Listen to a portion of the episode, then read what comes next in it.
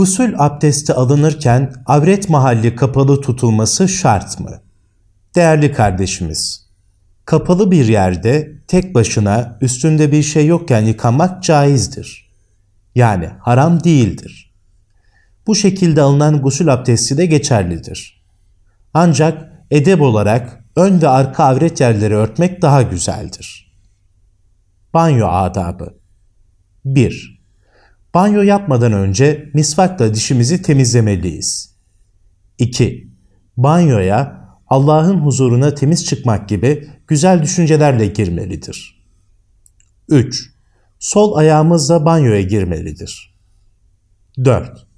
Girerken Bismillahirrahmanirrahim, pisliklerin her cinsinden ve kovulmuş şeytanın şerrinden Allah'a sığınırım demeliyiz.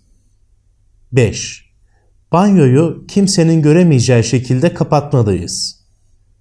6. Hamamda setri avrete riayet etmeli ve peştemal giymelidir. 7.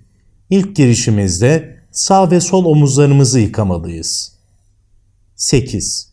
Suyu lüzumundan fazla israf etmemeliyiz. 9.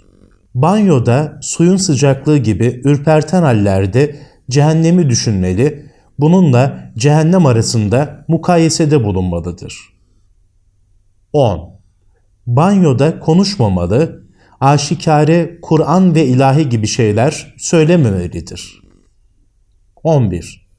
Akşama yakın, akşam ile yatsı arasındaki vakitlerde banyoya girilmemelidir. 12. Banyoda su dökünürken ayakta su dökünmelidir. Oturarak su dökünmemelidir. 13. Banyoda küçük büyük abdest bozulmaz. Peygamberimiz aleyhissalatü vesselam bu hususta da önemli durur. Sizden biriniz banyo yaptığı yere idrar etmesin. Sonra bu idrar ettiği yerden abdest almasın. Vesvesenin çoğu bundan ileri gelir. 14. Banyo yıkanan tarafından güzelce temizlenir. Nahoş görüntülere meydan verilmez. Sabun, saç ve pis su artıkları giderilir. Kirli çamaşır asılmaz. Kirli olarak bırakılmaz. 15. Herkesin özel banyo peştemali olur ve kendi peştemalını kullanır. 16. Banyodan evvel saç, bıyık gibi yerler uzamışsa düzeltmeli ve kısaltmalıdır. 17. Koltuk altlarında biten tüyleri azami 40 günde bir yolmak ve tıraş etmek müstehaptır. 18.